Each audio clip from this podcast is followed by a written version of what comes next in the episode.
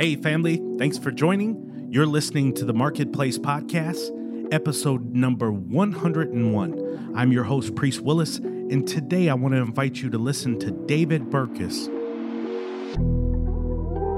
David is a best selling author, a sought after speaker, and associate professor of leadership and innovation at Oral Roberts University.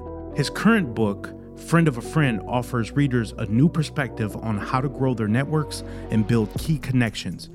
One based on science of human behavior, not rote networking advice. He's delivered keynotes to the leaders of Fortune 500 companies and the future leaders of the United States Naval Academy. His TED Talk has almost been viewed 2 million times, and he's a regular contributor to Harvard Business Review. David's latest book, Friend of a Friend Understanding the Hidden Networks That Can Transform Your Life, is up next. And without further ado, here is my man, David Burkus. Hey, David, welcome to the program. Oh, thank you so much for having me. Yeah, it's exciting to have you. I've read your book, Friend of a Friend, which I think is amazing. And as I told you offline, I think you're an amazing author in general. Um, and I know there's a lot of fans of Malcolm Gladwell out there, but I I put you in that esteem as far as I'm concerned because as I've gotten older, I'm, I'm really in touch with the the human psyche of people and the interaction of each other because really at the end of the day all we have is each other. And you seem to touch on that in different variations in different spaces. So I, I was excited to get you on the show here yeah, no, no, no. Thank you so much for having me. I um interesting interesting point of fact, Gladwell was a big sort of turning point for me. I grew up knowing that I wanted to be a writer and then but that was thinking, you know, you're thinking novelist and what kind of genre of fiction are you going to write? And then I found the tipping point. Mm. Um, I think when it was in paperback, mm-hmm. I don't think I found it was a hardcover, but that was the first book that really convinced me that like, wow, you can write about phenomenon from social science and include good storytelling and takeaways and that kind of stuff. I was totally unaware that that genre even existed and sort of fell in love with it for that. So, so thank you. I, I need to convince several million more people um, that were that were in that league. But uh, I mean, it's even just that's that's been a template, and Gladwell and to to uh, some extent Daniel Pink have been the two people that I sort of always am looking to um, emulate and, and model after because they're the ones that got me started and excited about this this genre. Well, that's awesome. That's awesome that you're you're able to build from and I, I certainly want to talk about you know um, how you kind of think around books and we're going to get into friend of a friend but there's other books that i've read by uh, dan ariely i believe his name is. He's from north carolina here um, that he writes Predictably Irrational and uh, about lying and other stuff and then there's never eat alone which i've heard you talk about. So you're you're right in that space but i believe this book kind of goes one level above that that networking type of environment and that's why I think it's important for you to be on the podcast because our biggest listeners are on the West Coast. They're actually in San Francisco, and then they go along down the west there, and then on the East Coast, and then we hit the mid Midwest. So those are obviously business listeners. So this is this is important for them to hear both extroverts and introverts. Yeah, no, no, thank you. I um yeah, I mean I think a lot of it is like I uh, Keith Ferrazzi's book Never Eat Alone is is fantastic, and um, there's a couple other books in that sort of networking advice space, we'll call them, mm-hmm. and that really wasn't the goal with Friend of a Friend. The goal was much more like, okay, you've been trying to apply so and so's advice in your career, and then you're feeling inauthentic and sleazy and transactional, and you know, no wonder you're feeling inauthentic. You're trying to be someone else mm-hmm. in that moment, right? Because you're trying.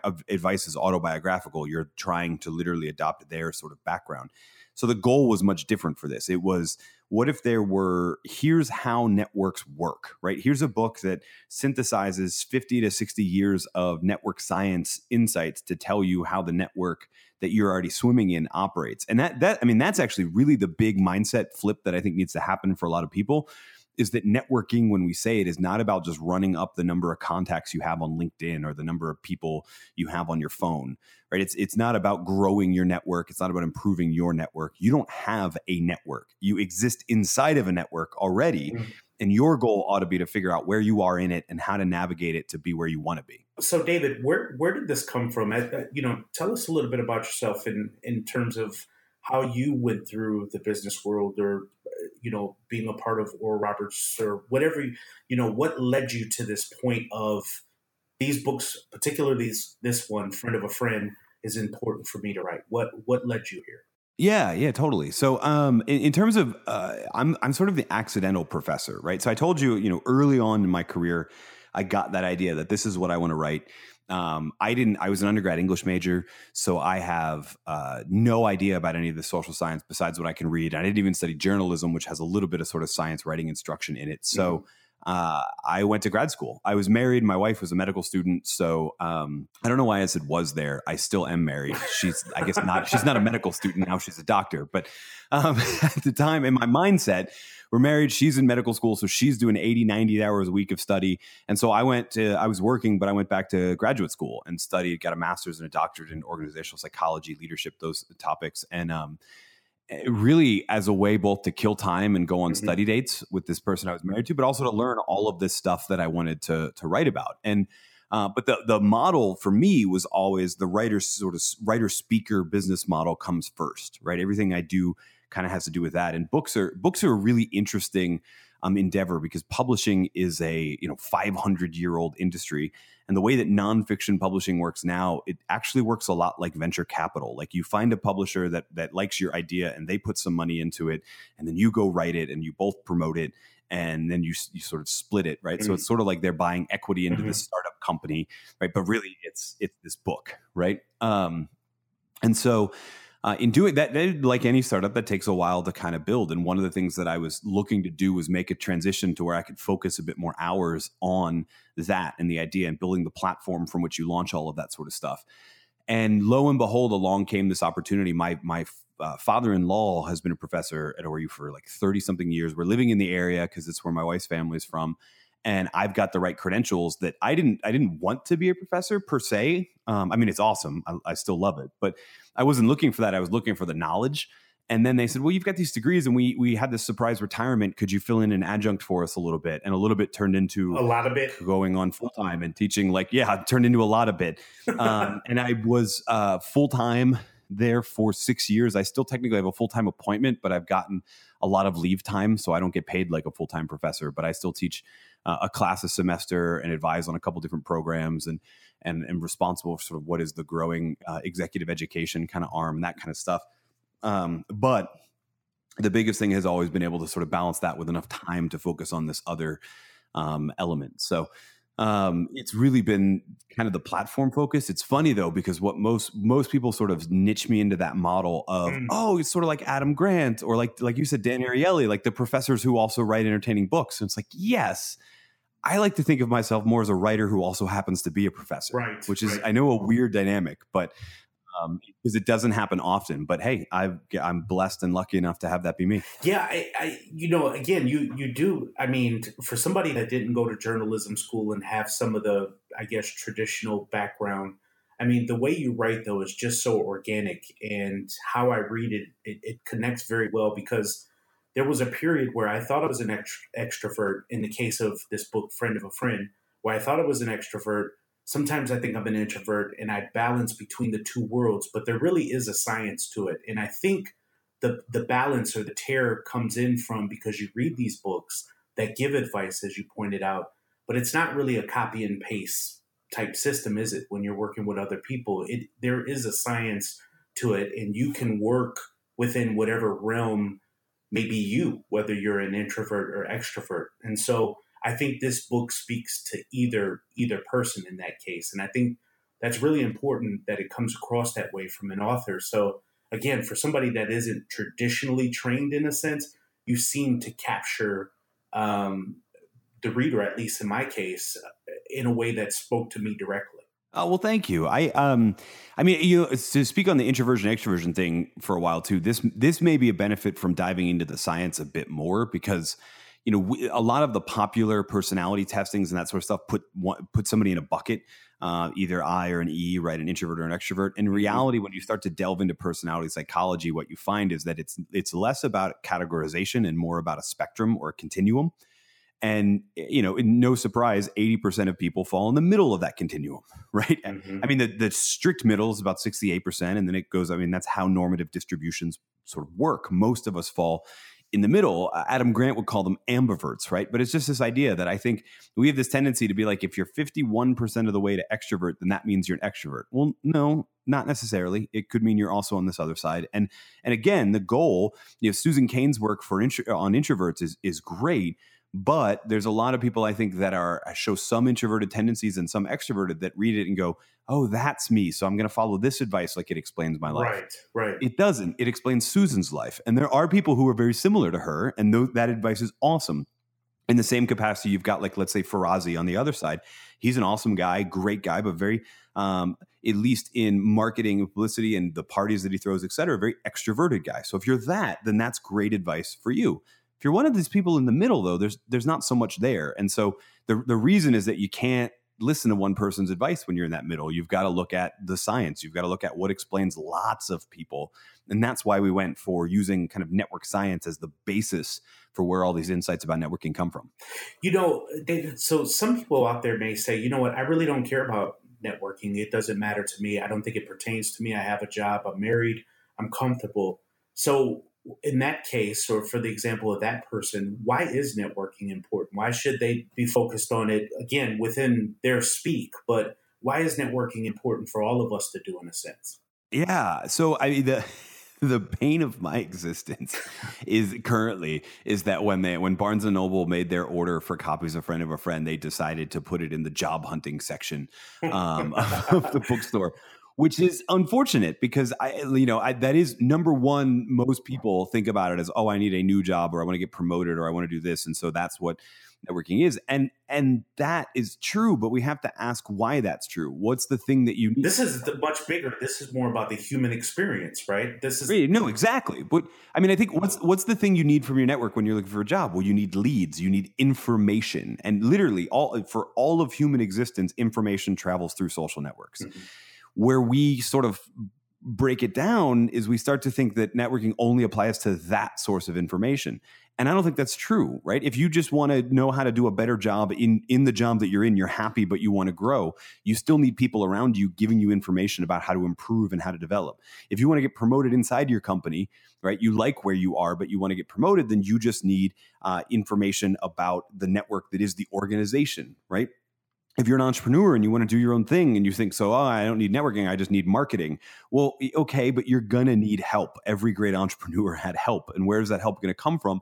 It's going to come from that social network. In in network science and one of the in sociology one of the first um, phenomenon they kind of started talking about was this theory of social capital the idea that just like there's financial capital money and assets and there's human capital, knowledge, skills, and abilities, there is value to be had from these networks because of the way information is flowing. And the person that recognizes that and gets trained on how to see their network better performs better, whether it's trying to find a new job or trying to excel in the one you have, trying to start a company or trying to grow the one you have.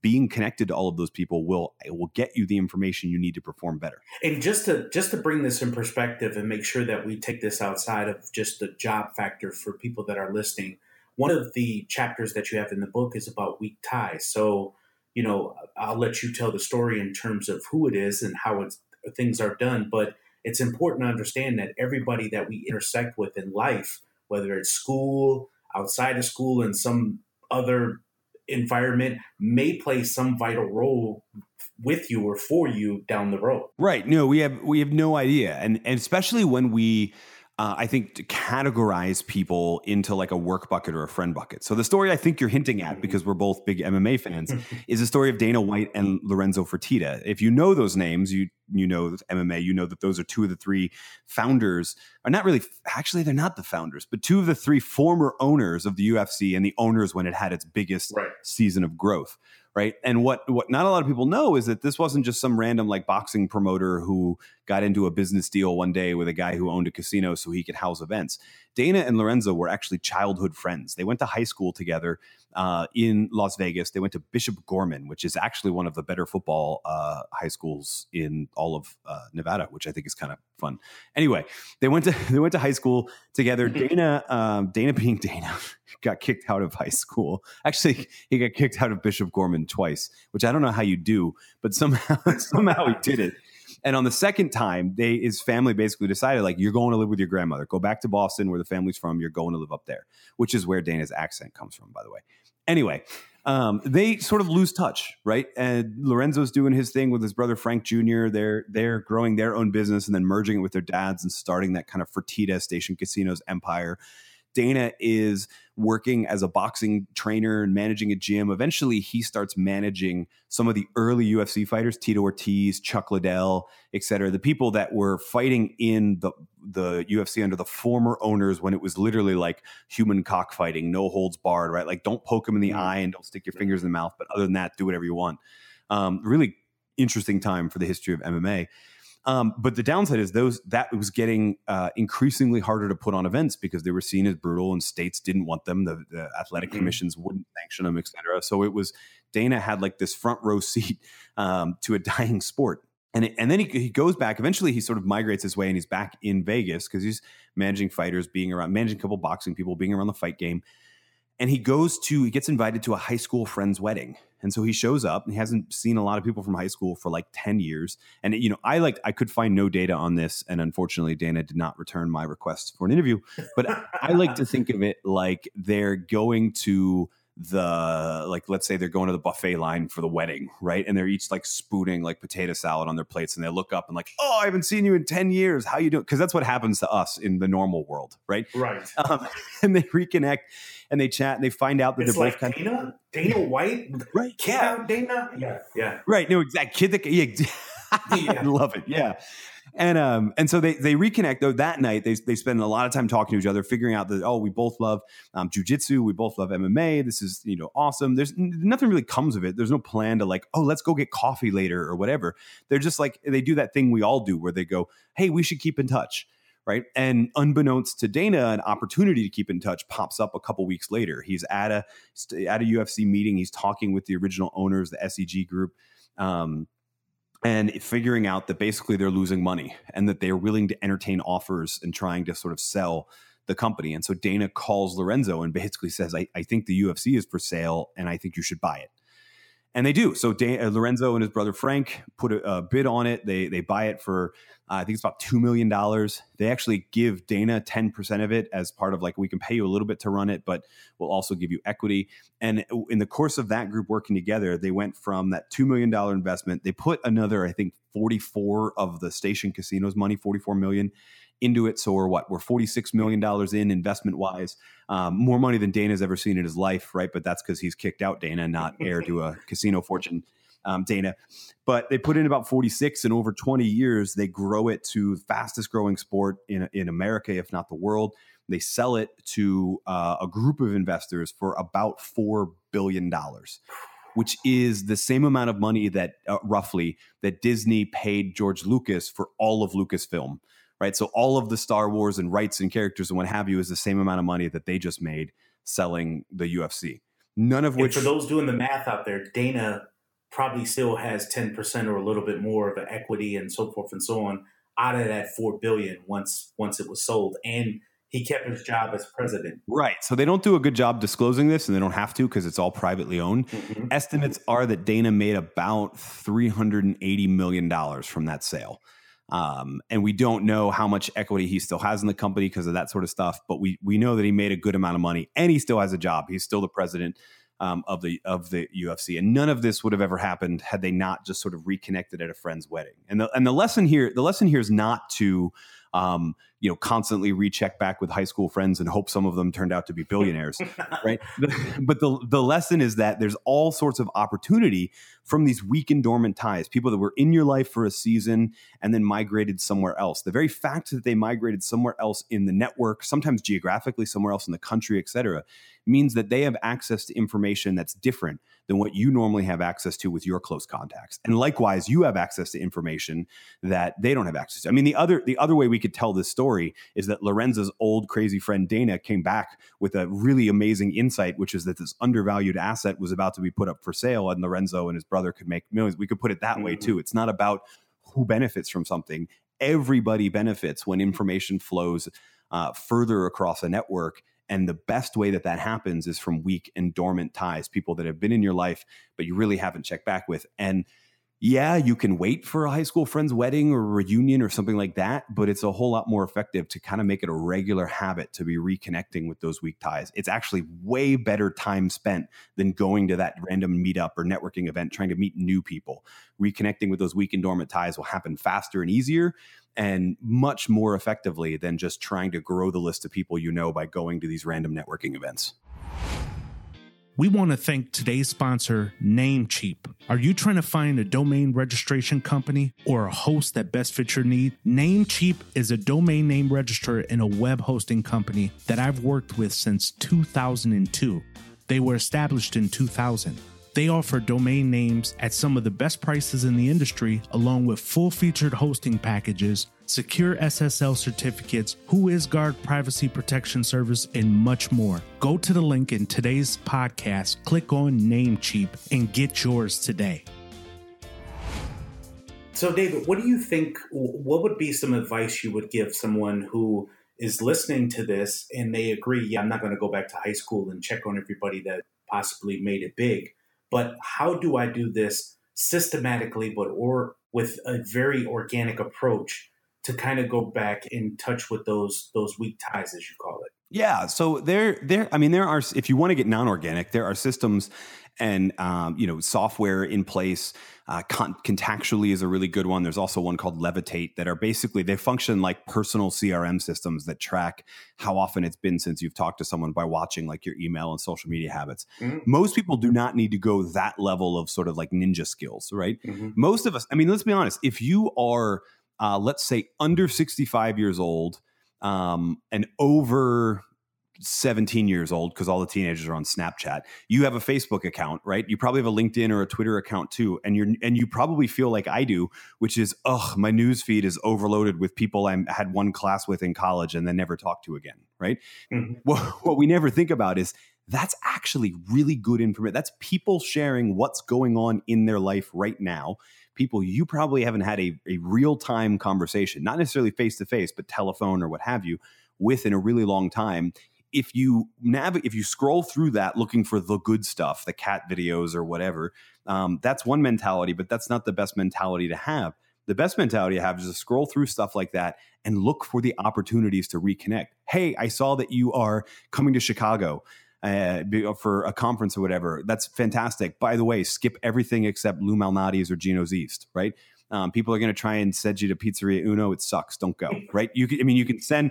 That's my example of like a random organic thing you can do. But if you're going through that information, it's people broadcasting what's going on in their life, and you can use that as the organic, natural means to have a conversation. The difference is you have to take the 45 seconds to send them a text message or an email or something a little bit more personal than clicking like or comment. The other thing you can do, and this is the biggest habit that I do, speaking of take the 30 to 45 seconds, is get in the habit when someone's when a memory from past pops into your head or someone's just you you, you find yourself thinking about someone take the 30 to 45 seconds to try and reach out to them if you can. It's interesting to me in since writing this book talking to lots of people a lot of people have this initial hesitation about oh i'm going to sound weird if i just reach back out to someone. And yet all of us have gotten that random email or that phone call that says, "Hey, I was thinking about you the other day, and I thought, you know, let me just call him and see how he's doing. I hope you, I hope you're doing well." Mm-hmm. We like knowing that other people are thinking about us. We we welcome it. Most of it, introvert or extrovert, we kind of welcome that idea. So don't feel awkward doing it. People, you want other people to be doing it to you, or at least you don't respond awkwardly when people do it to you. Um, so just do it. Yeah, yeah, that's that's really good advice. Just do it. I mean, at some point you you really have nothing to lose. I mean, introvert or extrovert, as you pointed out, just you know building up a little bit of courage to make some connections can go a long way, as you've seen with Dana White. Oh no, totally. I mean, again, nobody, no, very few people are so hateful towards other humans that if they got a phone call that says, "Hey, I was thinking about you the other day, and you know when when we took this class together." Uh, in high school, and it was just really funny. And I thought, hey, I'd call you and see how you're doing as long as you don't follow that with like now please buy life insurance from me then no one's going to feel awkward hearing you say that. I mean you can you can save the life insurance pitch for the second call right? But right. no one's going to feel that oh, they're going to welcome it. They're going to give you five or ten minutes and that's the beginning of reigniting that relationship. That's your uh, high school friend's wedding moment that you did just because you took advantage of that person popped into your head. I'm going to take the 30 seconds to reconnect with. You. So it's interesting because, you know, as you talk about making these connections, you know, one of the things I did, I, I moved from Milwaukee, Wisconsin to Raleigh, North Carolina. One of the first things I did, and it's popular for many people, is get involved with meetups. So I go to podcasters meetup, I go to if cryptocurrency, I'm interested in something like that. You know, whatever my new interest might be that I want to tap into other people that may have been in it, I kind of go into meetups and I connect with other people around. Um, but you share an interesting story um, when you talk about mixers, which I, by the way, when I go to conferences, I'm not necessarily a fan of necessarily going down to um, the networking, the quote unquote networking event, standing around, because as you pointed out in some of your talks, you end up just kind of talking to the people that you normally would talk to anyways. But I really do want to make a concentrated effort to meet new people. And sometimes that's easier said than done. And I thought meetups would do that for me. But you talk about um, Jon Levy, correct? Jon Levy? Jon Levy? Levy, yep. Levy. Yeah. And you talk about how he sets up dinner dates and he kind of pits strangers together, but he does it in such a way that they're not necessarily telling about the standard elevator pitch of our life that we tend to give people. He does it in a really interesting way. But can you tell us how, how that's done? Yeah, he basically bans the elevator pitch, but we can we can get into that. So, I mean, if, if you have nothing else and you know no one else, et cetera, then I don't want I don't want to say that sort of meetups and these networking events and that sort of thing are uh, horrible they're mm-hmm. just they're just really really really bad mm-hmm. I, I, know there's not much of a distinction there um, and it's not it's it's the unstructured nature of the event means that especially the person that is kind of the most connected in the in the group in that moment is going to be spending more time with people they already know you're you're going to be working uphill to meet more people like that. And so it, might feel like, oh, this is great. It's 50 people I don't know. I can walk out of there with with 50 new friends. That's probably not going to happen because 48 of them are going to spend time talking to the people they already know. Mm-hmm. Right. And so what Jon does is Jon leverages um, a principle from sociology. The sociologist Brian Uzzi calls it the shared activities principle. And it's basically this idea that the unstructuredness of the event is the problem. And if you add some level of structure, some level of what he calls a stakes activity. There's something to do outside of just talk to people. Um, and especially if that stakes requires integration, meaning you can't just all do it alongside each other. You have to be um, working together to accomplish that thing. That's a shared activity and that draws people a little bit better together. So, what Jon does that's really fascinating is like you said, Jon throws dinner parties.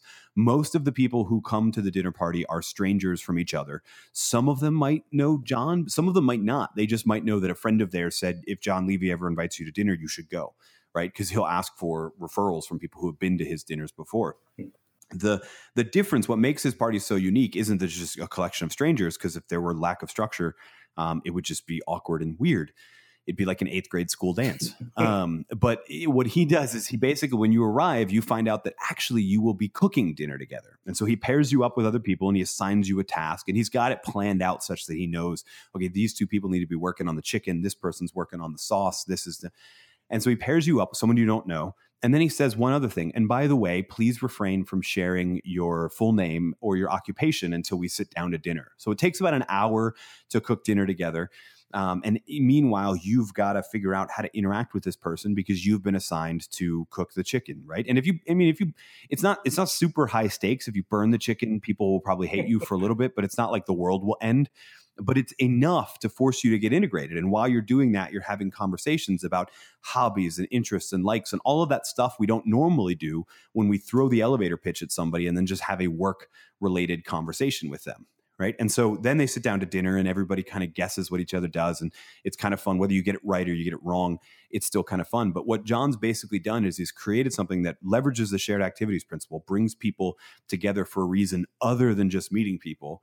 And then also institutes this small rule that encourages them to drop their script right? And over time, these dinners have grown into something amazing. Jon is hosting uh, famous musicians, famous actors. Um, Bill Nye, the Science Guy, is a regular Bill attendee. Nye, the um, Science Guy. No, I know, right? It's weird. Everybody who's ever been to one of the dinners or the salons that he throws after some of these dinners, which are about 150 person um, events, they always tell me Bill Nye was there, which I think is just, it, I don't. Hey, whatever.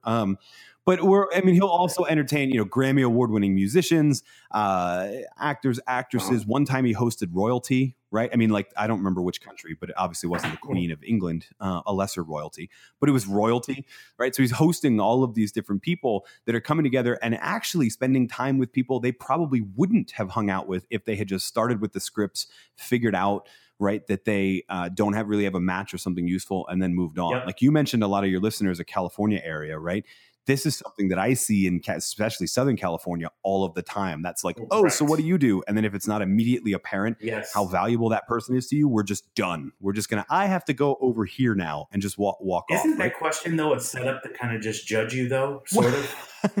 I mean, it can be. It can be. It's a, it's a stupid question in general because it encourages people to just stick in work mode and give Yeah. that elevator pitch and try and wow me in 30 seconds.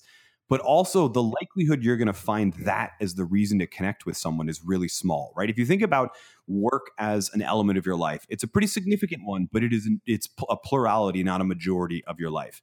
So the likelihood that you'll connect with someone over what is both a minority in both of your lives is really small. Mm. But if you're free to wander the totality of your life, every facet of who you are with somebody else while you're also trying to make a sauce, you're you're gonna stumble into shared interest much more quickly than if you just stick to work. So yeah, it's a judgy question, but it's also just Mhm. tactically a bad question to be asking. Yeah, I so I didn't get the invite from Jon, but if I if and since I didn't, and I go to different networking events at times, uh, the ones that I can't avoid.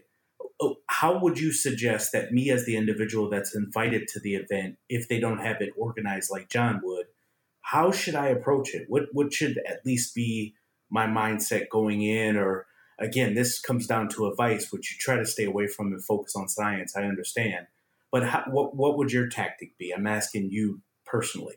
Yeah, so I- so I would have two. The the first that I would do is I would try and shy away from the meetups that are unstructured and get Mhm. more to the ones where there's something to do, right? So every trade association, every group, et cetera, they have those meetup hours, and then they also might have like a monthly education lunch or a, or a, we're going to get together and do volunteer this thing type of thing.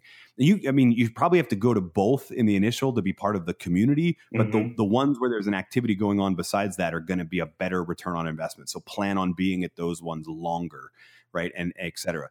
The other thing that I would do is I would I would drop the so what do you do question. I mean, if if people ask it of you, you know, that's fine. But I would be asking for other things. So I encourage people to ask, like, if I asked you the question, what excites you right now? You could Mm. tell me about work, but you could tell me about something in your personal life or a hobby you really like, or uh, you know, you you could tell me whatever.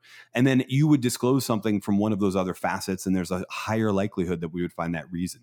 Uh, you can ask about background. You know, where did you grow up? If you move from uh, w- Wisconsin to Raleigh, there's a story there that Mhm. helps me know more about you than just what you do that I would want to unpack. Pers- personally, my favorite question is to ask people who their favorite superhero is. And I don't actually care what the answer is. I just follow the answer with why. Because there's usually, if somebody has picked a favorite superhero, there is a story there. There's a reason they've leveraged Ah. that one, right? Either because they grew up and that was their family one, or because there's something that connects with them about that idea. And even if they don't have a favorite one, there's usually a story about what they're focusing on instead a lot, they don't know that much about superheroes, right? So I actually really like to ask that that question just because it reveals a lot if you follow it up with why. That's that's a really cool one. I might, I'm actually going to use that one. I really am, and I like the. Now, I could care less about Batman or, or Superman, but it does tell me a little something if you say Batman, why, and you may say I resonate with the story about his parents getting killed in the alley, and it just you're right. It starts to unfold a lot of layers. Yeah, well, so I'll I'll tell you, um, you you hurt me when you say you could care less about Batman or Superman because the right answer is Batman. Um, but, I but the reason, like for me but- personally, the reason for that is that Batman's not actually a superhero, right? He's an everyday person. I mean, sure, he's got like more money than uh, all but 400 people in the planet, you know, the planet, but um, but he's not actually a superhero. He's a person who sort of dedicated himself, invested in the right things. He's he's you know driven by a childhood trauma, but he's still driven on a mission, right? To to to accomplish something. And he's not. I mean, Su- Superman is an alien, Right. Like he just flew in, flew in from outer space, undocumented, mind you, flew in from outer space, and, and just that's awful. We're gonna get so much hate mail for that. I'll edit that one out. Maybe. But but you know nobody asked for him. He just you know landed here. Um, he could have just as easily landed on Mars, right? But he landed here. Um, and then it's it's like it's not fair, right? So you know, the, to me, the right answer is Batman. However, if somebody is you know more inclined to Superman, it might be a thing of like you know I was in a really tough spot at one point in my life, and then this person who had everything together came in and kind of rescued me. There's this sort of savior story, right? Uh, Super Superman is actually kind of that knight and damsel in distress, but all of humanity is the damsel, right? Mm-hmm. So there's all sorts of stuff we can unpack there. Peter Parker, maybe you were a nerd in high school, and the idea that you can be empowered even if you were that might resonate with you. So you're a Spider-Man fan. Like there's usually a story like there, right? And if it's Wonder Woman, it's because you're a genius, and Wonder Woman is awesome. So right, there's that. So too. then the hate mail is now pulled back because you you shot a little love to the women out there. no, we're just gonna get different hate mail. So so tell me this: How do you feel about business cards? I've made it a practice, at least in the past couple years um, not to bring business cards at a conference event because at one point it was the cool thing to do, and now it feels really cheesy to start whipping out business cards around the room, throwing it on the table. Um, I typically don't keep business cards either because I, I, do email people after, and I just keep the email as the contact. What What's your take on when people start handing you business cards like, hey, we should talk, and you know, chances are you're not going to. Yeah, I mean, I'm kind of ambivalent about them. I, I definitely think they're, I think people hand them out the way that those like seedy people in Las Vegas hand you those flyers. You know, the ones I'm talking about. Um, I do. I do. You know, or like the, people hand out business cards like they're the guy with the sign dancing in front of the mattress store. Um, and I, that's definitely that's a good line. I'm going to keep that one. That is a good line. and I'm I'm, de- I'm I'm definitely anti that. Like on the other hand, it's still. I mean, 2018, it's still kind of clunky to electronically exchange information and what have you. So it's not bad. I have a card. Um, it literally only has my website, my email, and my Twitter on it because those are the only three ways that I would want to follow up with you on. Um, mm. But I'll also take someone's card and, you know, on the back of it, I'll write what we talked about and what I need to follow up with and et cetera. I'm like you, I don't keep it forever. Um, I keep it until I send them a, a, communication in whatever their chosen one are. So I don't really mind it. I think it should probably be the last thing you do, mm-hmm. right? Not the first thing. Um, so you should have a substantive conversation before you're gonna gonna actually trade business cards. Otherwise, you look like the guy outside the mattress store, right? But or or outside Las Vegas where they're flicking the cards in their hands. And, right, yeah, right. Yeah. All of that said, though, that's also a very cultural thing. Like the first couple times I was doing speaking gigs in China, Japan, Singapore, etc. In Asian countries the business card is a very strong like greeting ritual mm. there's a mm. they hand it to you with two hands they make sure the text is facing you not them right you have to take it with two hands usually it's a good idea to sort of compliment something about the business card right so there's you got to know what culture you're in and who you're interacting with uh, but in north america let's say particularly in the united states it, it, can still be a useful tool, but it should probably be something you do at the end of the conversation as a means to discuss how you're going to follow up, not something you lead with. That's very interesting. So I travel for business. I run a global business, and um, you know it's interesting because I never considered you know where I'm at. I'll be in Bangkok in December, so obviously there, there's some of that Asian tie that you talked about a little bit. Maybe that that carries over there, but it does it, now. It does make me look a little uh, you know, based on where I'm at. I think that's that's a great point you put there. Yeah, I mean, again, if you're if you're international, you've kind of got to know the audience. Actually, my first one of my more embarrassing moments was the first time I went to China, and I went with a bunch of colleagues, and all of them had Chinese character printed business cards that they had brought with them, and then I just had my stupid American ones. And uh, I, I was hugely embarrassed because I, I saw this whole ritual that I was like, "Here, I hope you speak English." Like it just didn't um, didn't work that well. I should have also have brushed up on my Chinese, but I found out I was going to China on 30 days notice. So I didn't really have a lot of time to prepare. Well, if anything else, you were the unforgettable guy for sure. Yeah, just not for the right reason, but yeah, sure. So let, let me ask something, David. What what are some how, how do you find the right kind of network opportunity? Uh, we talked about meetup and stuff, and that's kind of really generic, but how do you find the right place to start putting yourself in whether it's at the job whether you know you're you're you want to get into a, a, new something? And so in order to dive yourself into that new thing you don't know anybody in that space right? It's just something that you feel a calling in. How do you how do you start that and find you know try to make the right paths for yourself to get in inroads into that? Yeah. So, I mean, I, I think, um, the, again, the number one thing that you can actually do in terms of ROI is to be reaching back out and rewarming those weak and dormant ties. Mm. However, you can also learn to start just kind of habitually asking a question that explores who's at the fringes of your network, who's one or two introductions away from you. And that is to get in the habit of asking the question, who do you know in blank, right? you're meeting people. You moved from from Milwaukee to Raleigh. You're meeting people through regular course of the day and what have you. Who do you know in podcasting? Like who do you know that listens to a ton of them and or that that has a show, etc. You can start to have mm-hmm. people saying, "Oh yeah, well so and so that I work, he does this one on this." Right and, and what have you and that's a really good way you're not asking for you're not begging for a specific introduction. I think a lot of us actually have a target in mind and then we work backwards and like linkedin stalk them to figure out who we should beg an introduction to. And i think that's the wrong approach. The right approach is to be constantly exploring the fringes of our network by asking who do you know in blank?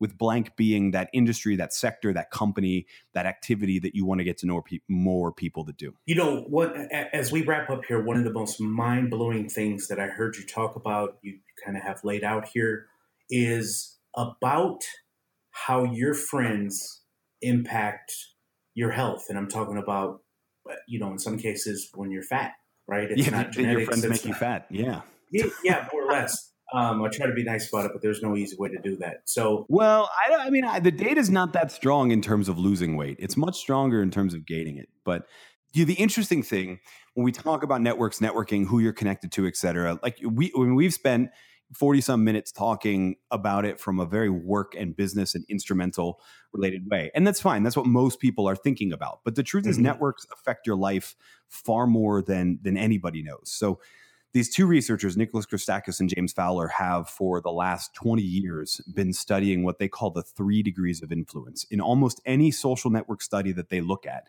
they can find that not just your friends, but your friends of friends and your friends of friends of friends. That's why the book is friend of a friend of a friend of a friend of a friend. Like there's so many repeating on the cover because it matters. They affect. Well, when I first read friend of a friend, I thought really mafia type stuff. I like but, it. Um, but yeah. they affect, yeah, like you said, they they affect your weight gain. So we we find an actual causal relationship between people, even if you've never met them, that are one or two degrees of separation we think it has something to do with social norms and, and good behavior and, and how that kind of affects your life choices.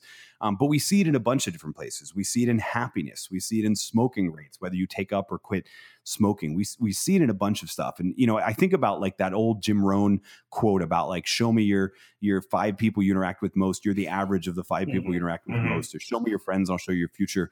That's true. People influence us. The truth, though, is even scarier. People we don't even know influence us. So, all the more reason to start paying attention to the network that's around us and where we are. Because it's mm-hmm. not just that your friends are your future, your whole network, your friend of a friend is your future too. Wow, that is so deep to think about. I mean, the layers that you can unpack there about, you know, not only your friend, but the friends that they keep and the friends that they keep. I mean, that that's that's powerful stuff. That that's when it really starts getting into the science of human interaction and seeing how it, you know it does ultimately play a role in your life. Yeah, no, I'm and more than just your your business life. And I mean, if you're if you've been listening to this for the whole episode, you're already sold on why it matters. But there's one more reason to be sold on why this stuff matters. Yeah, yeah, and that's a big reason for sure. David, your stuff is amazing. I mean, all your books are amazing. This book, friend of a friend of a friend of a friend of a friend of a friend. You guys got to check it. Friend of a friend for sure. right, we'll, we'll, just call it friend of a friend. I'll, we'll make sure that it's linked up in the show notes here. If people want to reach out, they want to read more about um, your your other books. They want to see um, your TED talks. How can where can they go and see all that curated information that you have? I mean, so the absolute best place, if you're listening to this, would be the show notes for this episode. You already know how to get there. Um, he wants you to go there, by the way. He's just been so nice to not say go there.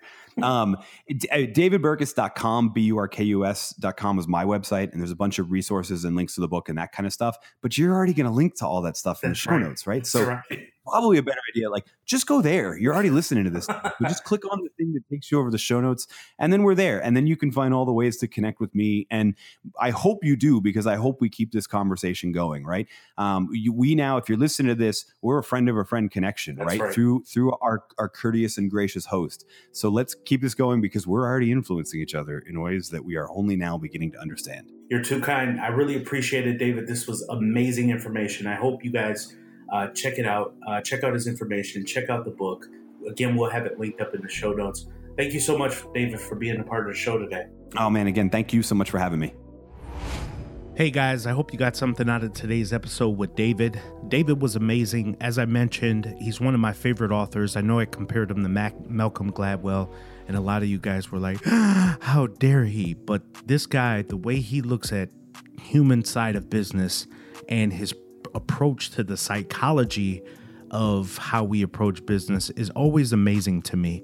Um, I know a lot of people have issues with networking, some are introverted, if you will, and that's why I thought it was important to have that discussion with him today.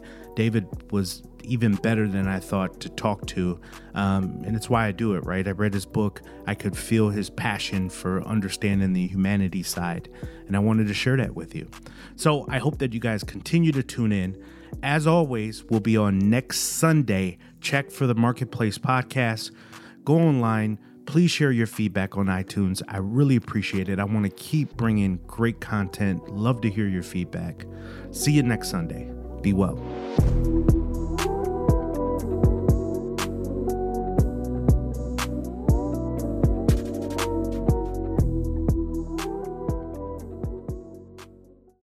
I'm the best ever. My style is impetuous. My defense is impregnable. And I'm just ferocious.